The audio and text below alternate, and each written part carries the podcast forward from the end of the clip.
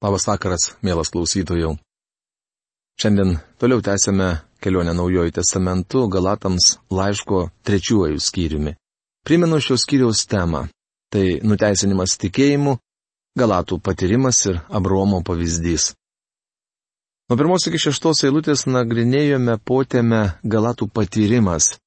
Pradėjome nagrinėti Abromo pavyzdį.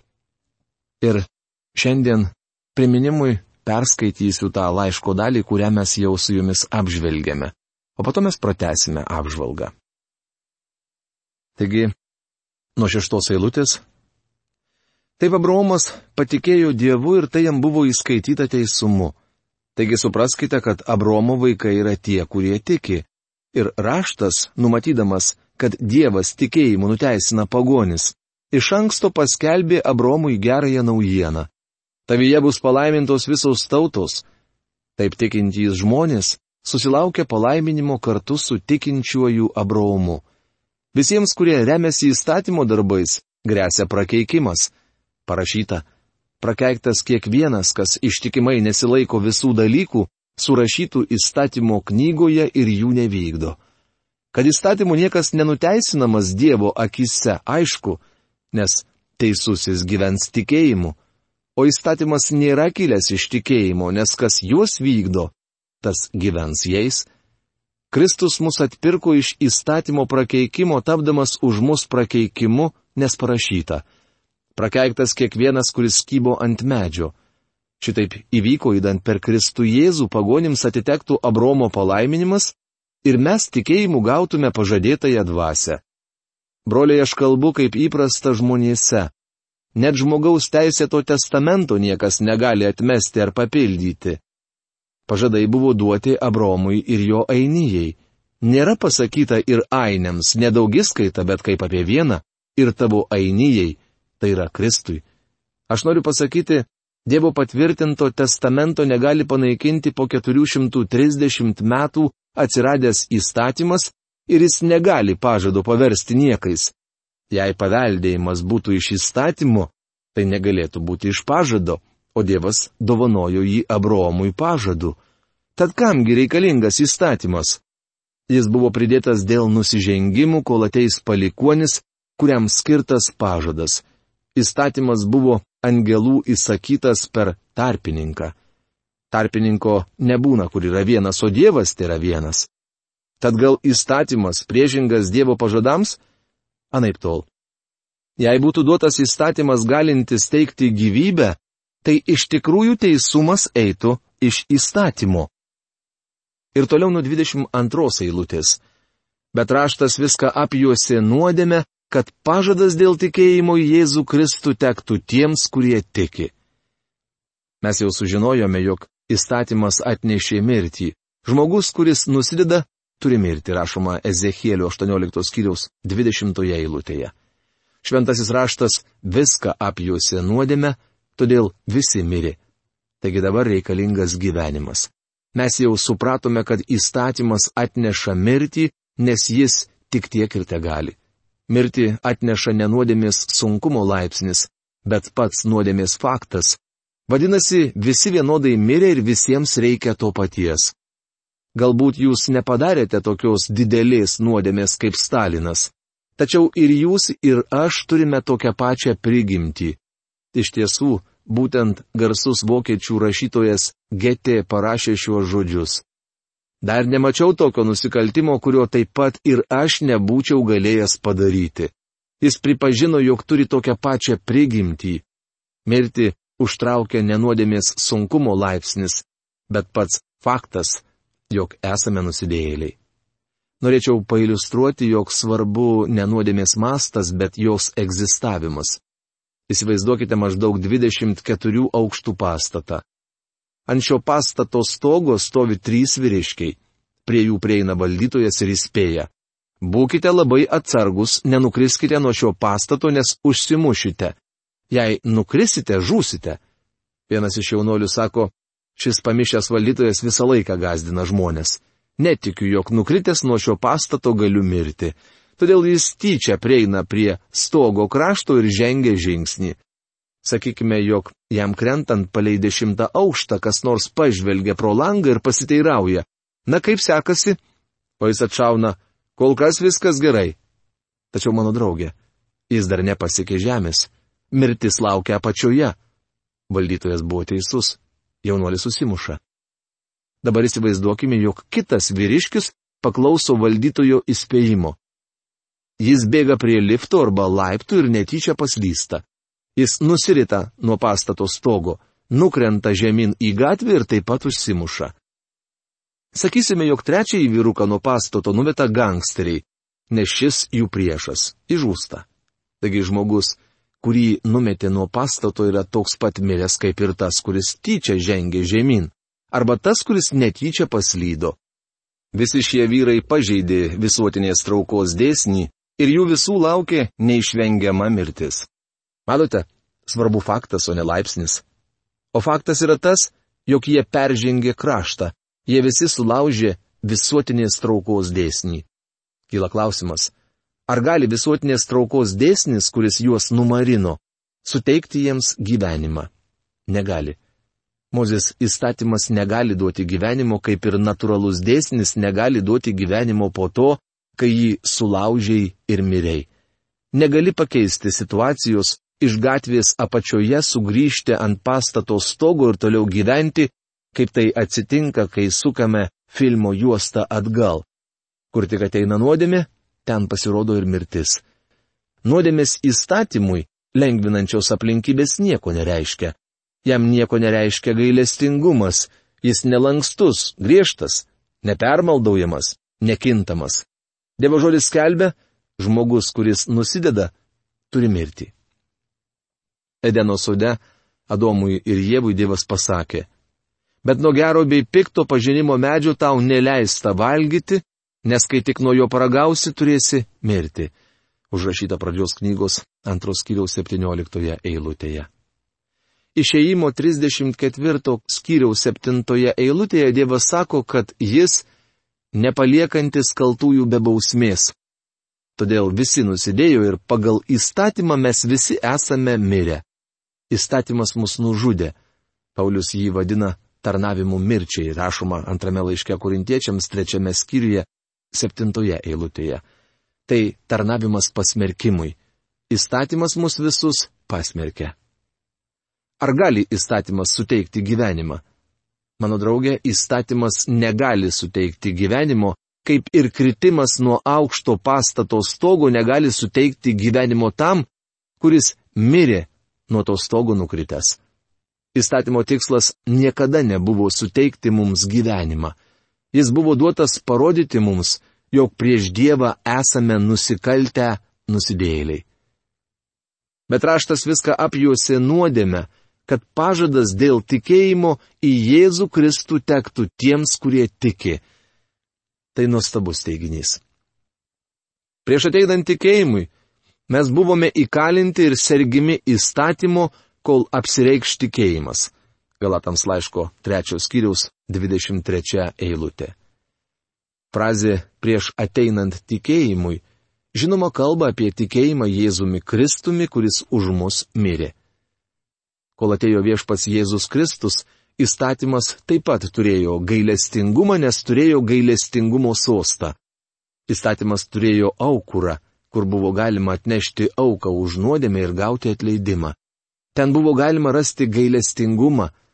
Visos aukos už nuodėmę rodė į Kristų. Paulius tvirtina, jog prieš ateinant tikėjimui mes buvome įkalinti ir sergimi įstatymo, kol apsireikš tikėjimas. Taigi įstatymas buvo mūsų auklėtojas vedęs į Kristų, kad mes būtume tikėjimu nuteisinti. Galatams laiško 3 skyrius 24 eilutė. Tai nuostabi laiško vieta. Paulius labai aiškiai sako, jog Mozės įstatymas negalėjo išgelbėti. Romiečiams laiško ketvirtos skyriaus penktoje eilutėje parašyta, o tam, kuris nedirba, bet tiki tuo, kuris nuteisina bedievi, teisumui skaitomas jo tikėjimas. Dievas atsisakė priimti žmogaus darbus, kad per juos žmogus būtų išgelbėtas. Dievas sako, jog visas mūsų teisumas yra lik purvinis karmalai, rašoma Izaijo knygos 64 skyriaus 5 eilutėje. Dievas atsisako priimti įstatymo laikymasi. Įstatymas negali išgelbėti, jis gali tik pasmerkti. Jis buvo duotas nenusidėjėlių išgelbėjimui, bet tam, kad jie suprastų, jog jie yra nusidėjėliai. Įstatymas nuodėmės nepašalina, jis nuodėmę atskleidžia. Jis neapsaugos jūsų nuo nuodėmės, nes nuodėmė jau yra atėjusi. Įstatymas parodo, jog žmogus yra netoks, kaip jį vaizduoja Hollywoodas - rafinuotas, išprusęs, kvalifikuotas nusidėjėlis. Iš tikrųjų, žmogus yra bjaurus, primityvus nusidėjėlis. Norėčiau pateikti kasdienišką pavyzdį, kuris mano nuomonė padės tai suprasti. Įsivaizduokime vonios kambarį. Viliuosi, kad tai jūsų nešokiruoja, televizija kiekvieną dieną rodo, ką nors besimaudantį vonioje ar po dušu. Esu įsitikinęs, kad beveik kiekvienas turi vonios kambarį, o jame kreuklę su veidrodžiu. Kreuklė yra skirta tam tikram tikslui, kaip ir veidrodis. Kai susitepa veidas, einame į vonį ir nusiprausėme, tačiau juk nenaudojame veidrodžio purvui nuplauti. Jei ant veido pastebėtumėte nešvarę dėmelę, pasilenkęs trintumėte savo veidą į veidrodį ir kas nors iš jūsų artimųjų tai pamatytų, turbūt paskambintų psichiatrui ir paprašytų ištirti, kas jums atsitiko. Tačiau mano draugė, taip neatsitiks, nes ne vienas nesame toks kvailas, kad mėgintume pašalinti purvą veidrodžių. Vis dėlto šiandien daugybė žmonių mūsų bažnyčiose trinasi į įstatymo veidrodį manydami, jog tai pašalins savo nuodėmę. Dievo žodis yra veidrodis, kuris mums parodo, kas esame ir kokie esame. Kad mes nusidėjėliai ir kad stokojame Dievo garbės. Būtent tai įstatymas ir atskleidžia. Bet ačiū Dievui, po veidrodžiu yra kreuklė. Vienas gesmių autorius, Viljamas Kauperis, rašė. Yra šaltinis srūvantis krauju, kuris tekėjo gyslomis Emanuelio. Paniręs nusidėjėlis ten taps nauju, be nuodėmės ir be kalties šešėlio. Štai kur nusiplauna dėmė. Apvalo viešpatės Jėzaus Kristaus kraujas. Įstatymas patvirtina, jog žmogus yra nusidėjėlis, tačiau negali padaryti jo šventuoju. Paulius romiečiams rašė, jog įstatymas buvo duotas tam, kad visos burnos užsičiauptų ir visas pasaulis pasirodytų kaltas prieš Dievą. Skaitykite romiečiams laiško trečios skyriaus 19 eilutę. Taigi įstatymas buvo mūsų auklėtojas, sako Paulius. Toliau jis mums paaiškina, ką norėjo tuo pasakyti. Tikėjimui atėjus mes jau nesame auklėtojo globoje. Galatams laiško trečios skyriaus 25 eilutė. Auklėtojas yra graikų kalbos žodis paidagogos ir jis nekalba apie mokyklos mokytoją. Auklėtojas yra tinkamas žodis, tačiau Pauliaus laikais jis turėjo kitokią reikšmę. Jis bylojo apie tarną ar vergą, kuris priklausė romėnų šeimynai. Pusė romėnų imperijos žmonių buvo vergai. Iš 120 milijonų 60 milijonų buvo vergai. Patricijaus, pretorijonų, gvardijos nario arba Romos imperijos turtuolio namuose gyveno vergai, kurie rūpinosi vaikais kai tokiuose namuose gimdavo vaikas, jį patikėdavo tarno ar vergo globai, kuris jį ir užaugindavo. Jis rengdavo vaiką švariais drabužiais, maudydavo, kai reikėdavo išpūsdavo nosį ar kitai prižiūrėdavo. Kai mažylis paaugdavo ir būdavo pasirengęs eiti į mokyklą, šis tarnas jį ryte pažadindavo, aprengdavo ir nuvesdavo į mokyklą. Būtent tada jis ir buvo pavadintas pedagogos Pais reiškia vaikas, agogos reiškia vedantis. Vergas imdavo vaiką už rankos, nuvesdavo jį į mokyklą ir atiduodavo į mokyklos mokytojo rankas. Šis tarnas arba vergas galėjo mokyti vaiką tik iki tam tikro amžiaus, todėl vėliau vesdavo jį į mokyklą. Šioje rašto vietoje Paulius tvirtina, jog įstatymas yra mūsų pedagogos. Įstatymas kalbėjo, mažylį, Daugiau dėl tavęs negaliu nieko padaryti. Dabar noriu paimti tave už rankos ir atvesti prie Kristaus kryžiaus. Tu esi pražuvęs, tau reikalingas gelbėtojas. Įstatymo tikslas yra atvesti žmonės pas Kristų, o neduoti jiems pagrindą didžiuotis, kad jie galėtų vaikštinėti ir visiems girtis, jog laikosi įstatymo. Jūs žinote, jog nesilaikote įstatymo. Ištirkite savo širdį ir tai suprasite.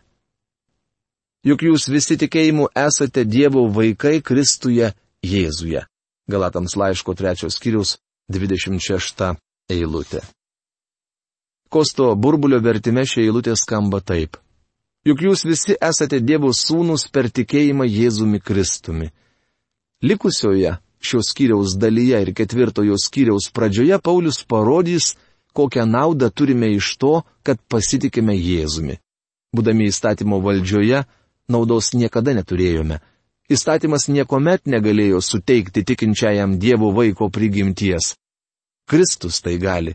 Tik tikėjimas Kristumi gali padaryti mus Dievo vaikais. Šioje eilutėje žodis vaikai yra kilęs iš graikų kalbos žodžio huijos, kuris reiškia sūnus. Tik tikėjimas Kristumi gali padaryti mus teisėtais Dievo vaikais. Aš akcentuoju žodį teisėtas, nes Dievo vaikai yra tik teisėti. Jūs tampate tikrų Dievo sūnumi tik tikėdami Kristumi. Tai reikia tik tiek. Netikėjimas plus kažkas prilyksta išgelbėjimui, bet vien tik tikėjimas padaro jūs Dievo sūnumi. Niekaip kitaip negalite tapti Dievo vaiku. Juk jūs visi esate Dievo vaikai. Kaip? Per tikėjimą Jėzumi Kristumi. Pavieniai izraelitai Senajame testamente įstatymų valdžioje niekada nebuvo Dievo vaikai, tik tarnai. Dievas vadino tautą Izraelis yra mano sūnus, Skaitykite išeimo knygos ketvirtos skyriaus 22 eilutę. Tačiau atskiras tos tautos žmogus niekuomet nebuvo pavadintas vaiku. Atskiras individas buvo vadinamas Jehovos tarnu. Pavyzdžiui, Mozė labai artimai bendravo su Dievu, tačiau Dievas apie jį pasakė, mano tarnas Mozė mirė. Užrašyta Jozuės knygos pirmos skyriaus antroje eilutėje. Tokia buvo Dievo epitafija.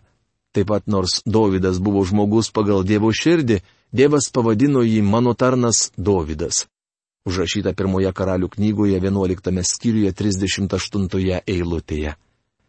Mano draugė, netgi jei būtumėte laikęsis įstatymo, to jūs negalėjote. Jūsų teisumas vis tiek neprilygtų Dievo teisumui. Matote, norint būti jo vaiku, reikia turėti jo teisumą. Naujajame testamente aiškiai parašyta, Visiems, kurie jį priėmė, jis davė galę tapti dievų vaikais. Tiems, kurie tiki jo vardą, rašoma Jono Evangelijos pirmos skyriaus dvyliktoje eilutėje. Mums suteikiama jėga. Graikiškai ehausian, o tai reiškia valdžia, teisė. Tapti dievo vaikais paprasčiausiai juo patikint. Fariziejus vardu Nikodemas buvo religingas ir skrupulingai vykdė įstatymą, tačiau nebuvo Dievo vaikas.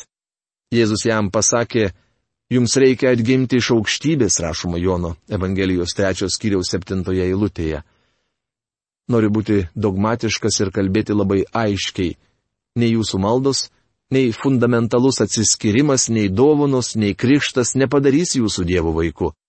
Tik tikėjimas Kristumi gali padaryti jūs Dievo vaiku.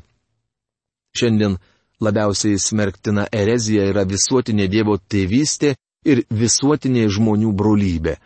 Kaip tik šis liberalizmo mokymas privertė amerikiečių tautą atiduoti milijardus dolerių kitoms šalims ir dėl to mes esame visur nekenčiami. Liberalai tvirtino, kad visi žmonės yra Dievo vaikai, todėl mes sėdėjome pasitarimuose ir dalyvavome politinėse rietenose su pačiais didžiausiais pasaulio nedorėliais. Mes kalbame apie nuoširdumą ir garbingumą, apie tai, kad visi esame Dievo vaikai ir turime elgtis kaip tokie. Tačiau viešpats Jėzus Kristus niekada nekalbėjo nieko panašaus.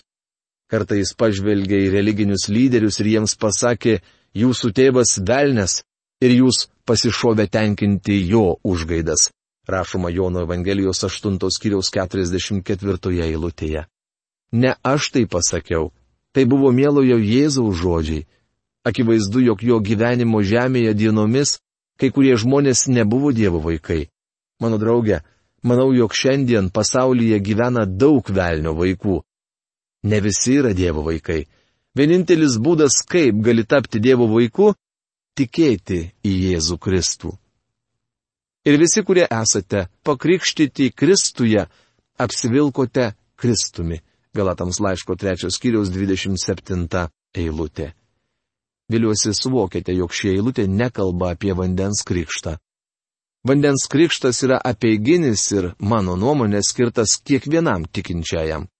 Taip pat manau, jog vandens krikštas turi vykti panardinant, nepaisant to, jog esu išventintas presbiterijonų kunigas, nes panardinimas aiškiau atspindi tikrai šventosios dvasios krikštą. Per šventosios dvasios krikštą jūs tampate tikinčiųjų kūno dalimi. Paulius rašo, mes visi buvome pakrikštyti vienoje dvasioje, kad sudarytume vieną kūną. Visi - žydai ir graikai, vergai ir laisvieji. Ir visi buvome pagirdyti viena dvasia, rašoma pirmame laiške korintiečiams 12 skyriuje 13 eilutėje. Tai reiškia, jog mes tikrai realiai esame sutapatinami su tikinčiųjų kūnu, tai yra bažnyčia. Ir visi, kurie esate pakrikštyti Kristuje, apsivilkote Kristumi.